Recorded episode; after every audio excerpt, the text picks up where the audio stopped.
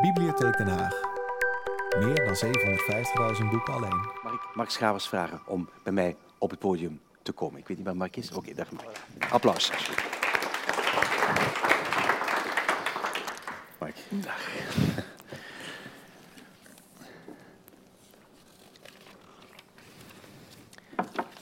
Mark Schavers. Hij is ehm, auteur, hij is journalist, hij is onderzoeksjournalist. Hij heeft gewerkt bij de Standaard, de Vlaamse krant De Standaard, en bij het eh, weekblad Humo. Hij heeft talloze boeken geschreven. Eh, het boek waar het vandaag, vanavond, hoofdzakelijk over zal gaan, heet De Orgelman. De Orgelman is een boek dat eh, bekroond werd met de prestigieuze Gouden Boekenuil. Dat was het laatste jaar dat het nog uh, Gouden Uil heette. Hè? Ja. Ja. Gouden Uil, later Gouden Boekenuil. Daarna heet het eh Vintro, de naam van een... eh, Ken ik niet, die Nee, prijs is nou, onbelangrijk sindsdien. Gouden Uil klinkt veel mooier uiteindelijk, maar goed, we- Ja. de, banken moeten het allemaal overnemen. Nou, andere titels van eh, boeken van Max Schavers zijn Door Arm Vlaanderen, Waar ligt België, ehm, Gevallen Torens en nog veel meer. Ehm, boeken waarin vaak, meestal, bijna altijd een engagement, waaruit een engagement spreekt. Het eh, zijn boeken waarin ook vaak interviews zijn verwerkt. Ehm, interviews die het, het genre van het interview afnemen. Een genre dat hij eh, als journalist natuurlijk als geen ander eh, beheerst. Ehm, hij heeft ook gepubliceerd, wat ook belangrijk is, De Wolken. Een boek met snippers, zeg maar, uit de geheime laden van wijlen ehm, Hugo Claus. Een van de allergrootste eh, schrijvers die wij ooit in ons taalgebied hebben gehad. Ehm, hij heeft ook eh, Hugo Claus een groepsportret geschreven, wat een toneelstuk was. Daar gaan we het zo meteen over hebben ook. En hij is, en dat zeg ik u, eh, als u dat nog niet weet, zeg ik u met, met veel plezier erbij. Hij is ook de officiële biograaf van Klaus. Dus hij gaat die biografie schrijven, die verschijnt volgende week. Nee, nog niet. Dat zal een paar, een paar jaar duren. Ja. ja, maar die is, daar is hij volop aan bezig. Ehm, Orgelman, het boek dat, ehm, waarvan u de cover hier ziet, met als ondertitel Felix Noesbaum, een schildersleven, is een heel bijzonder, fantastisch interessant boek eh, dat u allemaal moet eh, lezen. U kunt het ook aanschaffen als u wilt, eh, straks tijdens de, na, na de presentatie hier. Ehm, je kunt er veel over zeggen, maar laat ik even Geert Mak erbij halen, die toch niet de minste is wat hij over Orgelman heeft geschreven. Hij zei, Orgelman heeft me overrompeld. Een ander woord weet ik er niet voor. Ik kon het op den duur niet meer loslaten, dit weefsel van honderden puzzelstukjes, waaruit langzaam het drama van twee levens boven water komt. Een indrukwekkende biografie. Max Schavers weet steeds dichter op de huid van zijn hoofdpersonen te kruipen, zodat het de lezer bijna de adem beneemt. Dit boek vergeet je nooit. Nou, als Geert Mak het zegt, dan is het de waarheid. Ademberaumend staat nu op de Duitse Ja. uitgave. Ja. Beraumend, ja. Overigens ben ik het daar helemaal mee eens, Mark. Ah, ja. Welkom in Den Haag. Ja. Ehm, het is een fantastisch boek, het is een bijzonder interessant boek, het is een meeslepend boek. Het gaat over de orgelman, de naam, de titel alleen al is zo bijzonder. De orgelman, is dat Felix, want er staat onder Felix No- Noesbaum een schildersleven, is dat de, is Noesbaum de orgelman? Eh, ja, ik heb die, die titel was er eh, misschien, misschien al voor het boek. Ik heb, ik heb het boek geschreven om die titel te kunnen gebruiken, omdat het voor mij eh, veel dingen samenbracht. Eh, ik ben van, van jongs af aan, zal ik maar zeggen, geïnteresseerd in exilliteratuur. Is een beetje een, een vreemde hobby. Het wordt vooral zaterdags en zondags beoefend. Dode Duitse schrijvers. Eh, maar voor mij kwam dat om- omdat ik altijd in literatuur geïnteresseerd ben en in politiek. En die twee zitten op elkaar. Dat is, eh, Dat is dat engagement waar ik het over had. Hè? ja, dat is de, ja, daar komen ze samen. Hè. Ik bedoel, mensen die omwille van hun politieke overtuiging moeten gaan lopen zijn uit hun land. Eh, en, en die dan, dat is de existentiële situatie van zo'n exilkunstenaar, die zonder echo vallen. Eh, en daar is dan juist die Felix Noesbaum. eh, een van de eerste dingen die ik ervan las, was een, een briefje dat hij schreef aan een, een expressionist, een beetje zijn leraar in Berlijn, eh Meidner, een, goede, een hele heftige, zo, zo heet als een vulkaan wordt hij wel genoemd enzovoort. Een hele heftige expressionist. En, en daaraan schrijft hij een briefje van, goh, zie mij hier zitten. In Brussel zit hij dan op dat moment, 1937. Heeft zo een beetje een vast adres gevonden, zijn eerste vast adres. in die exiltocht, die al van 33, als hij in Rome zit, Parijs, Basel, komt hij in Brussel terecht. Ik hoop dat hier in deze tuin een notenboom, noesbaum gaat groeien, zegt hij. Een beetje vastigheid. En daar schrijft hij die, die moedeloos makende regels van ga, zie mij hier zitten met, met, tegen de wanden, mijn schilderijen die daar zitten te slapen. Ik kan ze aan niemand. Ohne echo. Hoe treurig, uh, schrijft hij aan Meidner, uh, ons lot. En ja, dus die orgelman, trouwens, hij, hij heeft dan ook zelf nog een e- een van de weinige werken waar hij er zelf zijn titel aan gegeven heeft als schilderij, is dan ook nog die orgelman. Die loopt voortdurend in zijn, uh, in zijn werk uh, rond. Dus dat moest wel de titel worden, ook omdat eigenlijk het, het vervolg wil, de Duitse, de Duitse editie. Ik heb zelf niet gekozen de layout, mevrouw is met dit werk aangekomen, dat niet in het boek vermeld is, maar dat ik een prachtig portret vond. Mooi, en dus ik, ik heb er mij onmiddellijk bij neergelegd. Mijn eigen keuze was een, een meer melancholische orgelman, een soort wandelende jood. Een, een vroege orgelman, 1931, die hij geschilderd had, heel mooi van coloriet. Maar die krijgt dan aan het eind van de oorlog, als hij ondergedoken zit, want hij zit de hele oorlog ondergedoken, eh, op zijn Anne Franks in een zolderkamer een dagboek te schilderen. En een van de laatste schilderijen daarvan uh, is, is weer zo'n orgelman, uh, maar dan is er dan een, en die hebben ze nu voor de Duitse versie iets ruwer toch, die Duitsers. Iets harder ook. Die orgel, uh, het zijn geen metalen pijpen meer, maar het zijn menselijke knoken die uh, geperforeerd zijn, uh, waar nog weinig muziek uit te halen valt, denk ik. Maar dus dat hele thema loopt met zijn leven mee en het bundelt dan nog eens voor mij de centrale problematiek. Een, een kunstenaar zonder echo. Dus daarom is het orgelman geworden. Ja. En ik ben ook blij dat ze in Duitsland nu orgelman dubbele N achteraan gekozen hebben. Want in, in het Duits is het een beetje een, een vreemde benaming voor een orgelman. Die de, de muziekliefhebbers weten van uh, Schubert dat het dan Leierman wordt, Leierkastenman en zo. Dat zou de gewonere versie voor orgelman zijn, maar uh, het is ook ja. daar orgelman geworden. Goed, nu heb je ongeveer alle vragen beantwoord die ik wou stellen. Maar... Voilà. Zal ik het nog eens doen? nee, ik wil even die orgelman. Natuurlijk, dat is uh, natuurlijk symbolisch voor hemzelf. Je zou kunnen zien die zigeunerachtige straatmuzikant, hè, die in het werk van Noesbaum in zijn schilderijen vaak aan bod komt, de melancholie. Uh, het kan ook staan voor die, die melancholie van het draaiorgel, hè, wat we ook in Nederland kennen, dat uh, mm. ook een rol speelt. Het kan ook zijn. Um, het, het, heeft ook die bijklank, althans voor mij toch ook die van een, een, kunstenaar of van een straatartiest of van een artiest in het algemeen die op, op zoek is naar een echo eh, in een tijd waarin het zo moeilijk is om, uh, ja. om te overleven. Die tijd is trouwens uh, nu nog ja, steeds ja. zo, dat verandert niet. Um, um, maar het, was, het was, iets heel joods, hè, want pas achteraf heb ik een, een boek gevonden en ik, ik, loop er nu toch mee rond met een kopietje daarvan, omdat ik zo'n zo spijt heb dat ik het in het boek zelf niet kunnen gebruiken heb, omdat het ook een beetje naar Nederland toetrekt. Die, de persoon van die orgelman was in de oude Joodse wijken ook een heel vertrouwd fenomeen. Ja, en je ja. hebt een, een, boek van een Meijer die zo het, het, Joodse Amsterdam beschrijft. En die, die schrijft dan de kinderen uit de buurt die ringelrij om de orgels dansten. Ze groeiden op, ze trouwden, paarden en baarden werden, uh, en werden... paarden en baarden, ja, en werden naar Auschwitz gesleept met hun eigen kinderen. De buurt stierf van smart. En omdat bijna niemand meer door de straten durfde lopen, werd het plaveisel puisterig en brokkelig. En toen zakten de huizen van eenzaamheid en verdriet in elkaar. En de slopers kwamen. Ze kruiden het puin weg en ze rukten de funderingen uit de grond. Zoals een tandarts een ziek wortelgestel rooit. Vooral dat einde vind ik fantastisch. Hè? Het, het, het zieke het gebit wordt verwoest. En dat is iets wat, wat, uh, wat wij in onze geschiedenis, in onze cultuur, eigenlijk veel te lang uitgesteld hebben om, dat besef, om echt tot dat besef te komen. Dat een stad als Amsterdam, uh, waar je rond, rond de water, het Waterloopplein en zo, dat daar echt een, een, een gebit verwoest ja, is. Ja, ja. Er zijn honderdduizend Joden via Westerbork uh, afgevoerd, waaronder ook de, de vader en de moeder en de broer van uh, Justus Noesbaum, van Felix Noesbaum. Uit, uit Mechelen 25.000 mensen, om een beetje de verhoudingen te schetsen ook. Dus het, uh, ook, ook, dat is een mooi beeld dan, die, die orgel, dat had er nog bijgemogen van mij, die, die orgelman die daar uh, de, met de dansende kinderen achter zich aan. En, en dat stadsdeel is, uh, is als, een, als een gebit verwoest, daar gaat Orgelman ja, ook ja, over.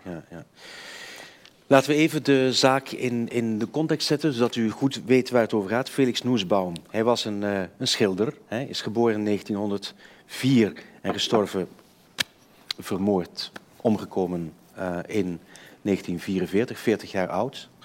Um, hij was een kunstenaar die uh, door het nazisme, door het fascisme is kapotgemaakt. Um, hij is uh, een man met een heel complexe biografie. U zegt vanaf 1933 werd het heel moeilijk, want er was hij een balling. zijn vrouw heeft ook een belangrijke rol gespeeld, Felka Platek, een Poolse vrouw uit Warschau. wat ook belangrijk is, want Warschau heeft tijdens de Tweede Wereldoorlog ook vreselijk geleden. De stad is helemaal kapot gebombardeerd. Um, dat komt allemaal aan bod. Een van de belangrijke dingen die we moeten weten, u spreekt over Mechelen. Mechelen, voor wie het niet weet, is een stad tussen Brussel en Antwerpen ongeveer, die, uh, waar een, zich een kazerne bevindt, wat nu een prachtig museum is overigens, oorlogsmuseum, de Dossijnkazerne. Mm. Um, en uh, ik ga u laten vertellen Mark, wat, wat, uh, wat daar precies gebeurd is. Maar dat speelt een belangrijke rol. In het, ik zet even de, de, de zaak in de, in de context dat iedereen weet waar het over gaat. Die, uh, de schilder Noesbaum um, is een beetje vergeten. Maar uiteindelijk heeft hij toch een museum gekregen. In Osnabrück in Duitsland. Uh, een speciaal aan hem gewijd museum. Ja. Dus ik vat nu even samen ja. wat er precies gebeurt. De tragiek van zijn leven, dat laat ik, laat ik jou vertellen. Ja. Um, Um, maar dit, was, dit moet even om het uh, in, in, de context zetten. Hij was een Duits-Joodse kunstenaar met banden met België. Die band met België moeten we misschien even um, verduidelijken. Ja, dat komt erop op neer dat uh, op het moment hij is in... Of laat ik misschien toch eerst dat zeggen. Je zegt inderdaad terecht kapot gemaakt. Uh, want dat vond ik, zeker in een eerste stadium, het, het, het straffen aan het verhaal van Noesbaum hoe kapot je, hoe, hoe, hoe je kan worden door agarme twaalf jaar nazisme. Hè. Hitler dacht dat hij duizend jaar ging krijgen. Hij heeft er twaalf gekregen, maar dat volstaat blijkbaar om iemand, ja, om iemand fysiek uh, uit te schakelen. Dat, dat, dat, kan je nog makkelijk bevatten. Maar dat het een schilder uh, die in 1931 uh, de star is van de, de secession, be belangrijke Berlijnse tentoonstelling aan het, van de Pruisische Academie, uh, helemaal aan het, centrum van Berlijn, Pariser Platz. tot in de New York Times wordt er geschreven, wauw, dat schilderij daar van die jonge man, ga kijken. Dat is de, de, de, de, de belofte van zijn generatie, die dan de staatsprijs krijgt, de Roomprijs tenminste toch, en, en naar Rome gaat. Dat zo'n man, die dan, uh, die, die, die achteraf is dan, uh, heeft hij zelf bijgehouden gelukkig, is, is, is de, de, de klapper, het, het, boekje gevonden waarin hij de recensies had uh, geplakt en zijn vader had geholpen, van wat er allemaal geschreven werd. Dat bleken honderd recensies te zijn van, van, de, van de meest, oeh, wat komt dat zien, jonge belofte. Dat zo iemand in 19 1945 de pijp uit, de, de Auschwitz-pijp uit is.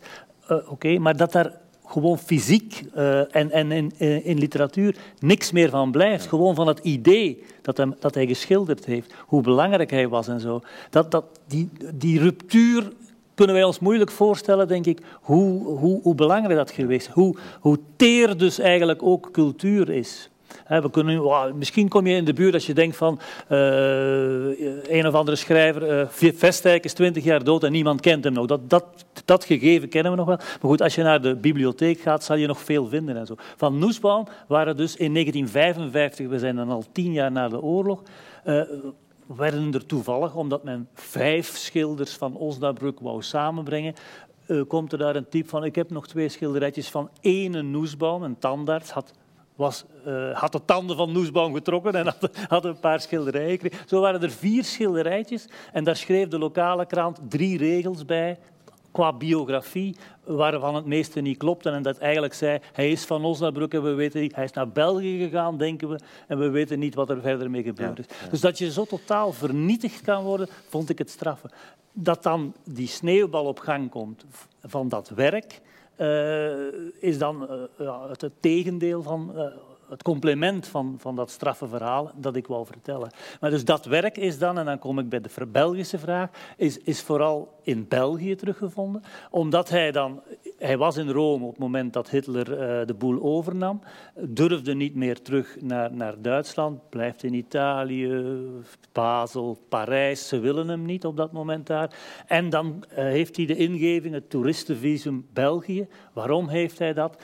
Omdat hij uh, daar in 28 op studiereis geweest is als fabrikantenzoontje, well-to-do, chic hotel, La Continentale, Continental, uh, waar zelfs twintig jaar eerder bijvoorbeeld Couperus op huwelijksreis was. Hij heeft daar hmm. prachtige bladzijden over geschreven, over de, het licht van Oostende en ja. hoe mooi dat uh, je zou kunnen schilderen. En zo. In dat hotel zit die snotneus, als, als twintiger, uh, Noesbouw. En dus op het moment dat hij uh, ja, vertwijfeld is, waar kan ik nog naartoe, herinnert hij zich, ah, het was daar wel in Oostende, fijne plek om te schilderen enzovoorts, maar ik heb daar ook Ensor, de omgeving van Ensor gekend. Juist. En uh, daar wil ik naartoe. Oostende, uh, ja. daar wil ik even op inpikken ja. natuurlijk, want Oostende is de stad, de kuststad in België, mm. waar James Ensor uh, woonde en werkte. Hij heeft Ensor ontmoet. Mm. Althans, hij heeft meegedaan ja. aan een wedstrijd op een bepaald moment. Ja. Klopt dat? En Ensor zat in de jury. Hè? Dat zo is het, hè? Ja. En Ensor, nou ja, Ensor, u kent hem of u kent hem niet. Hopelijk kent u hem wel, maar Ensor is wel een van de allergrootste schilders van de mensheid. Um, schilders van, uh, schilder van doeken met heel groteske tafereelen, heel veel maskers. Ja. Uh, leven en dood spelen een grote rol op die doeken. Ja. En, en overigens maakte Noesbam ook zelf maskers. Hè? Ja, ja, ja. Maar misschien kan ik dat even goed, lezen, goed omdat het voor mij ook de... Ja, het, is het begin van het boek op de inleiding na. En het, het geeft ook aan uh, ja, waarom ik mij zo... Het, het, was het punt waarop ik kon bijten en vasthouden. Hij komt voor mij via België binnen. Dus ja. dit is die, ja. de, de, de, Felix Noesbaum die in België ja. belandt. Uh, kort stukje. Bij zijn intrede in Oostende, een keerpunt in zijn korte leven, is Felix Noesbaum gemaskerd. Velka Platek is dat ook. Ik weet het uit een brief die Noesbaum schrijft aan de kunstenaar Ludwig Meiner op 31 oktober 1937. Van zijn duizenden brieven zijn er enkele tientallen bewaard gebleven. Dit is één van de langste. Meer dan honderd regels tel ik als de brief me in het stadsarchief van Darmstad wordt voorgelegd. Ze zijn keurig uitgevuld over vier pagina's recto verso. Het handschrift is uiterst regelmatig, de inkt zacht zwart. Pas onlangs hebben Meiner en Noesbaum elkaar sporen de emigratie gevonden.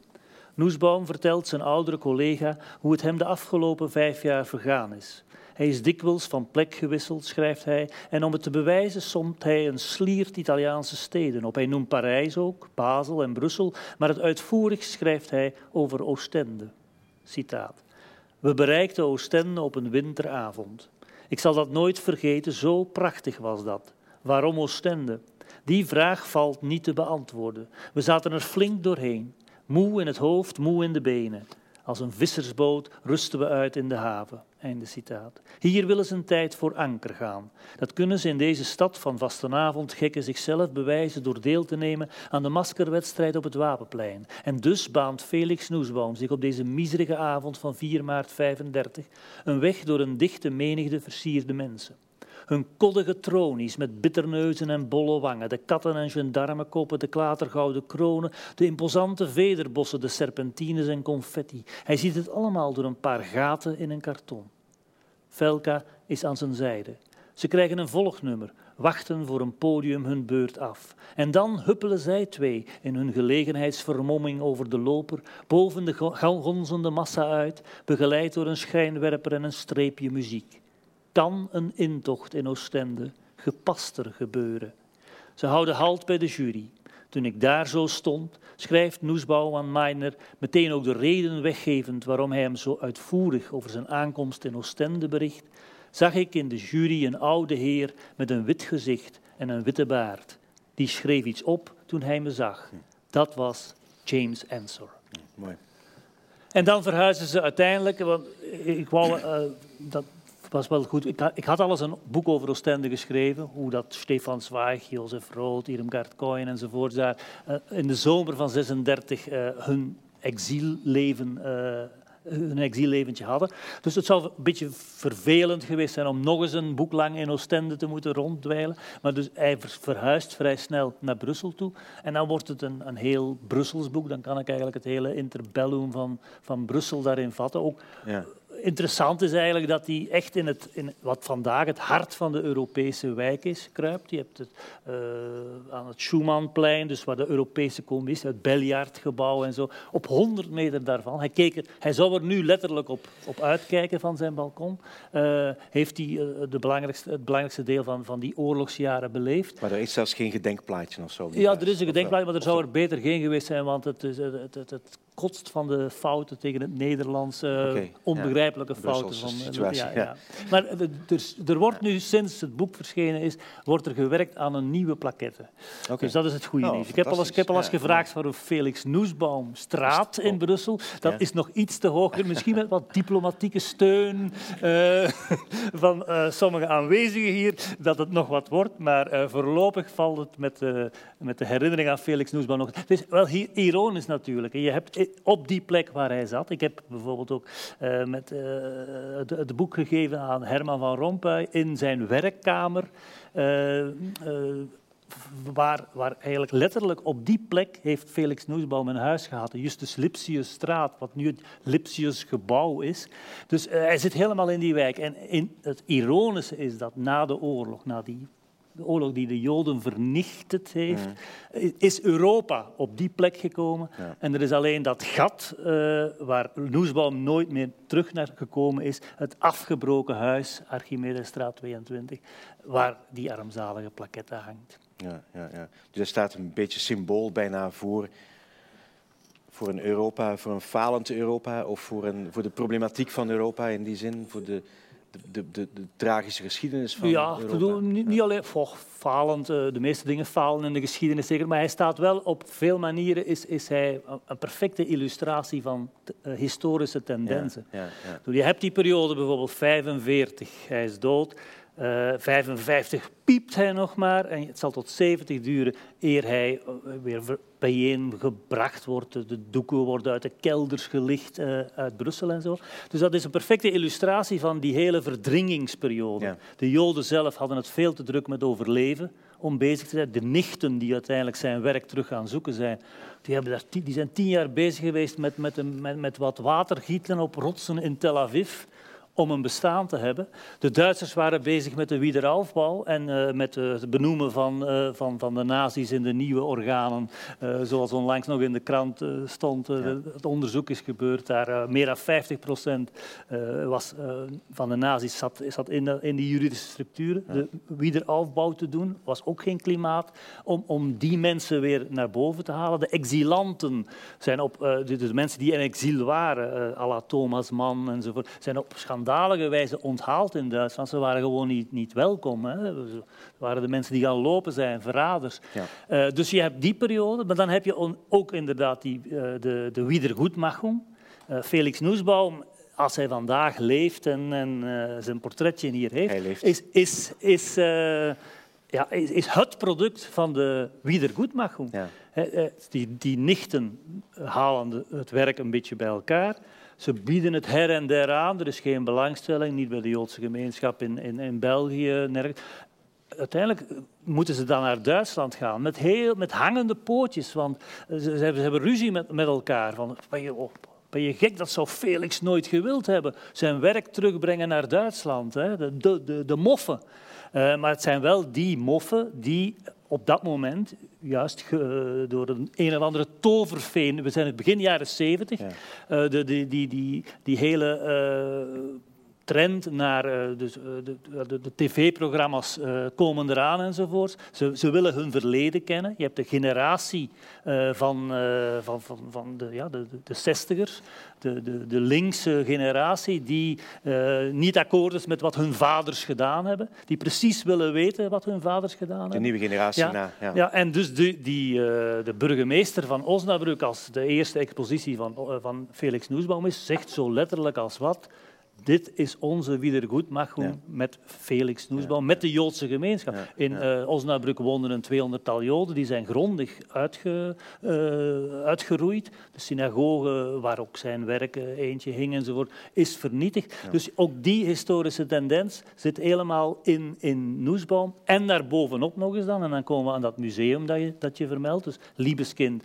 de man die ook het, het Joods museum in Berlijn heeft uh, mogen bouwen, heeft daar in Osnabrück een, een, een een, een heel mooi alleen aan Noesbaum gewijd uh, museum kunnen maken, omdat die holocaust altijd maar belangrijker werd. Het, werd een onderdeel, het, kon een onder, het werd zo belangrijk dat het een onderdeel van city marketing kon worden. Dus de, de, de, de holocaust is vandaag immens veel belangrijker dan hij 50 jaar geleden, 30 jaar geleden was. Het, het hele, de, de dark century, die, die, die vieze, vuile brei, die modderige eeuw van de, die de 20e eeuw is, als je zeker dat centrale stuk bekijkt, die wordt daar, uh, ja, dat hebben wij, in, uh, hebben wij opgehangen aan die holocaust-herdenking. Uh, zelfs holocaust-exploitatie beginnen dan sommigen te zeggen enzovoort. Dus, maar ook daar is hij dan, door het feit dat hij dat eigen museum krijgt, weer een, een fantastische illustratie van, ja. van een historische trend. Nu, Osnabrück, die stad, is ook de stad natuurlijk van Erik Maria Remarque. Ja. Hè, wat toch ook een van de allerbelangrijkste auteurs is uit de, mm, de Duitse literatuur, wil ik even gezegd hebben. Um, Even over die Daniel Liebeskind. Uh, want u vermeldt die Daniel Liebeskind, dat is de, de man die, het, die inderdaad het uh, nieuwe uh, World Trade Center in New York ja, heeft ja. ontworpen. En, ik dacht, hij is een Poolse Jood? Nee, is hij van Pools-Joodse afkomst? Uh, ja, ja, dus ze ja. zijn, zijn holocaust ook... Uh, Zoon ook van een ja, ja. holocaust-overlevende. Uh, hij ontwierp ook het Judisches Museum in Berlijn, het Royal Ontario Museum en de Zlota 44 wolkenkrabber in Warschau, een prachtig gebouw. wolkenkrabber van 192 meter hoog. En maar het moet hier ook vermeld worden, in Nederland het stadsmarkeringsplan van Groningen ah, dat is voor een deel door hem ontworpen. Hij heeft daar een eigen bijdrage aan geleverd, een van de tien, misschien kent u het, ik heb het ooit eens gezien, een open boek aan de A7 in Groningen. Als u daar ooit langskomt, van Daniel Liebeskind, de man die dus ook het nieuwe World Trade Center in New York heeft gemaakt en die dus het museum van uh, Felix Noesbaum heeft uh, ontworpen. Ik even naar het begin. Hoe je bent een journalist, je bent onderzoeksjournalist, je interviewt mensen, je ontmoet heel veel mensen. Um, hoe kom je bij zo'n. Hoe kom je bij dat verhaal? Want dan moet je op een bepaald, ergens moet je dat vinden. Ja. Waar is het begin? Dat begin zit dus bij het boek waar ik al iets over zei, dus ja. Oostende 36. Uh, omdat ik die exilmicroben uh, had, uh, op, zie je op een dag van, kijk, die zomer kan ik perfect in scène zetten. Wat is fantastisch als, je, uh, als ik daar kon werken, dankzij de Duitse bibliotheek van het Goethe-instituut, die toen nog bestond. In Brussel. Hier bestaat er gelukkig nog een, maar die is ondertussen ontmanteld. maar dus je, dat was een tijd dat er geen telefoon was, of weinig telefoon. En dus die mensen schreven allemaal brieven naar elkaar. Dus het bleek aan de hand van de correspondenties van, van die zijn beroemde mensen natuurlijk, Jozef Rothschild, kon je eigenlijk een, een zomer restaureren. Uh, en dat vond ik een fantastisch, fantastisch leuk om te doen ook. En op een dag zie ik dan een schilderij van uh, Felix Noesbaum, die ik nauwelijks kende tot op dat moment. Ik had wel eens een, een poster zien hangen bij Daniel Goldhagen als ik die in, in Harvard interviewde, maar ik kende hem nauwelijks. En maar dan zag ik daar, uh, dat was de kaai van de visserskaai van Oostende, en echt perfect de, hele sfeer, uh, die, die, die, die, die geschriften van die exilschrijvers, Irmgard Coin bijvoorbeeld, die die, die havenkaai, de visserskaai beschrijft met de, met de kraampjes, zoals ze vandaag nog altijd uitzien eigenlijk, met de schollen die hangen te te wapperen in de wind en zo. En dan zie ik dat schilderij daar, perfect die sfeer. En, en er stond er ook nog links beneden Oostende 1936. Dus die, Noesbaum, die Noesbaum had duidelijk een persoonlijk project, namelijk mij, Jenne, uh, van Oostende 36. En uh, ik ben een eh, exiljood en, en je weet niks van mij. En dat, uh, ja, het is, het is hem dus gelukt van mij te jennen. Ja. En uh, ik heb daar dan een, een, een lange tijd, heeft dat meegerijpt naast andere projecten. Maar ik wist onmiddellijk door dingen die ik vooraf vertelde al, van oh, dat is zo'n sterk verhaal. Omdat van, van, X, van niets komt weer iets, Phoenix, Noesbaum. dus dat, dat moest lukken. Alleen heb ik er heel lang over gedaan. Uh, hoe vertel je dat nu precies? Dat heeft mij heel lang bezig gehouden. Ja. Ook met dwaalsporen. Ik had bijvoorbeeld eerst het idee, wat ik nog altijd een heel goed filmisch idee vind trouwens. Als je ziet, zoals ik zeg, je hebt 55, vier povere schilderijtjes, want het zijn jeugdwerkjes, oefeningen, eh, vingeroefeningen. Uh, dus geleidelijk aan komt dat werk en daar komt ook een apotheose in. Eerst zal het werk bovenkomen van de jaren 30, maar het echte oorlogswerk, wat eigenlijk de, het gezicht van Noesbaum bepaalt, die wij nu kennen, met de heavy verwerking van het kamp in Saint-Cyprien in Frankrijk, waar hij zelf een tijd vastgezeten het werk dat aan Auschwitz herinnert, ook de blik in de ogen van zijn uh, Jood met, de, met, de, met de, de, de sterren en zo, dat is zijn bekendste werk. Dat, dat werk dat is ook in een laat stadium naar boven gekomen. Dus mijn eerste idee, en een heel filmisch idee, was van die sneeuwbal te tonen hier, van die vier ellendige portretjes. Wat komt erbij eigenlijk? Hoe, hoe groeit een reputatie, een, een, een, hoe neemt hij zijn plek in de kanon in? Maar dat, daar ben ik dus aan begonnen. Maar dat, ja, dat kan je eigenlijk niet maken, omdat je zit, die komen niet netjes chronologisch boven, die schilderijen. Dus je zit voortdurend uh, als een schietspoel in die chronologie. En ja, dat bleek dus niet te doen, dus ik heb andere, een andere manier moeten zoeken om dat verhaal te vertellen. We moeten even Mark, dat toch even toelichten, want je spreekt over Saint-Cyprien alsof, ja, ja. alsof, iedereen weet wat het is. Um, wat was dat? De tragiek begint eigenlijk in 1939. Hè? Ja bij het uitbreken van de oorlog, nou nog niet hier, maar in Polen. Um, en um, dan begint de Tweede Wereldoorlog. Hij wordt opgepakt, hij wordt gearresteerd. Hij wordt naar een kamp in Etterbeek gebracht. Mm. Um, en later gebracht naar wat je noemt de zandbarakkenstad ja, ja. Saint-Cyprien in Zuid-Frankrijk. Ik laat jou aanvullen wat er dan gebeurt. Saint-Cyprien is, is ja, een, een, schande die inderdaad, en spijt me dat ik het nog niet ter berde gebracht heb, een, een schande voor de Belgische staat. Uh, die, die, die te weinig mensen beseffen. Hoe kan in godsnaam een Jood in een kamp belanden op Belgische treinen en in Franse handen terechtkomen op het moment dat Frankrijk nog niet uh, verslagen is. Dus je hebt die hele, de, de, de, de vijfde kolonne psychologie, de, die, die, die op een domme wijze toegepast wordt. De Duitsers vallen mooi weer, Hitler werd er, 10 mei 44, ze staan daar voor de deur. Die plannen liggen klaar, was allemaal doordacht. Iedereen die de Duitse nationaliteit heeft, moet uh, opgepakt worden. De mannen gaan worden getransporteerd naar uh, uh, Frankrijk. Uh, en dat zijn, als dat 10.000 mensen waren, ruwweg zijn dat misschien 7000 Joden. Mensen die gaan lopen zijn voor Hitler worden opgepakt. Dat zat anderzijds ook, en dat is een veel bekender verhaal. Uh, op de spooktreinen naar Frankrijk zaten bijvoorbeeld ook Vlaamse nationalisten. Mm -hmm. uh, dus, uh, die, die, waar dan ook sommigen van gestorven zijn en, en die ook veel meer in, in, de, ja, in de iconologie van de Vlaamse beweging en zo verder opgenomen zijn. En zo. maar dus dat, zo komt Noesbaum daar terecht. En dat, is, dat zijn ja, hallucinerende omstandigheden. En in die zin ook dat, dat is, uh, daar zaten vroeger uh, Spaanse gevangenen van de, van de burgeroorlog. Maar dat is gewoon een, een, een, een, met prikkeldraad afgespannen strand eigenlijk. Dus je ziet ook voortdurend mensen die quasi naakt rondlopen. Overdag is dat heel warm, s'nachts is dat ijzig koud. Uh, die Franse gendarmes drinken mee wijn. Ze drinken proberen geen water te drinken, want dat is besmet. Die Franse gendarmes drinken mee wijn, dus er zijn veel ontsnappingen en er is ook wel veel, uh, wordt veel georganiseerd en zo. Het zijn, het zijn geen concentratiekamp uh, toestanden, echt, maar de schilderijen die Noesbaum ervan maakt, refereren voor ons wel helemaal aan dat universum en ook het essentiële, de, de vernedering, de, het moeten schijten in een ton dat heeft hij wel meegemaakt. En daarom denk ik dat het voor hem des te dramatischer geweest is de dag dat hij in Auschwitz Want belandde. wat is er dan Ja. gebeurd? Je zegt, het zijn Ja. geen concentratiekamptoestanden, maar dat komt dan wel. Want hij, de tragiek Ja. van het verhaal is, dat is belangrijk om dat te zeggen, dat hij uiteindelijk met het, de Dossijnkazerne in Mechelen, de plaats waar de, de Belgische Joden rechtstreeks met de trein naar Auschwitz Hm. Werden gebracht, de allerlaatste trein, Ja? daar wordt hij op gezet, op transport gezet naar Auschwitz. En daar eh, overleeft hij nog enkele dagen, Ja. weken.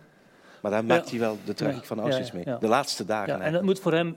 Ik had hem een. een eh, het lot dat ik eerst, eh, dat, dat, dat men hem eerst altijd toegedicht heeft, had ik hem ook wel gegund hoor. Ik bedoel, Hij heeft altijd gedacht, hij komt aan in Auschwitz, de eerste dagen van augustus, en hij zit op die lijn naar links, eh, afgevoerd Ja, ja. naar de gasovens. Ja. Uiteindelijk is dan, nu de Russen hun archieven mondjesmaat beginnen prijsgeven, is er dan een snipper papier in Dat Auschwitz beland. Ja. Dat heb ik niet gevonden, maar eh, ik lees de, Osnabrück, de Neue Osnabrücker Zeitung, zoals de meeste intellectuelen. Ja. En eh, eh, daarin stond op een dag eh, een bericht uit Auschwitz, het 75ste verjaardag van dit of dat, eh, dat er een snipperpapier in Osnabrück is Nieuwsbaum hot news. Daar staat er een snipperpapier gevonden was dat die op einde september ergens met een blaar aan de linkerhand eh, in, in, het, eh, in, in, in, het hospitaal geweest was. En die ene regel, ja, dat kan een, Ja, een, ja. een wereld Daardoor- van verschil. daardoor wist je dat hij niet meteen Daardoor- vergast was, Hij is maar niet vergast. Wat is er wel gebeurd? Ja. Hij kan zoals Primo Levi op die hongermarsen. Ja. En dat, is, dat is pas de echte ellende Ja, ja, eh, waar je dan ergens kan doodvriezen of, of overhoop geschoten worden. Dus hij had... hij, hij schilderde geregeld crematoria. Hij had, een op zijn Ensor een macabere verbeelding soms. En hij zei wel eens, eh, lekker verbrand worden, dat lijkt mij een goed einde. En ik had hem dat in augustus 44 gegund. Wie weet wat heeft de man allemaal nog moeten meemaken. Max Schavers, het is een fantastisch mooi boek. Ja. U moet het allemaal lezen, kopen en lezen, want het is een prachtig boek. Dank u wel voor dit gesprek. Dank u wel. Ja.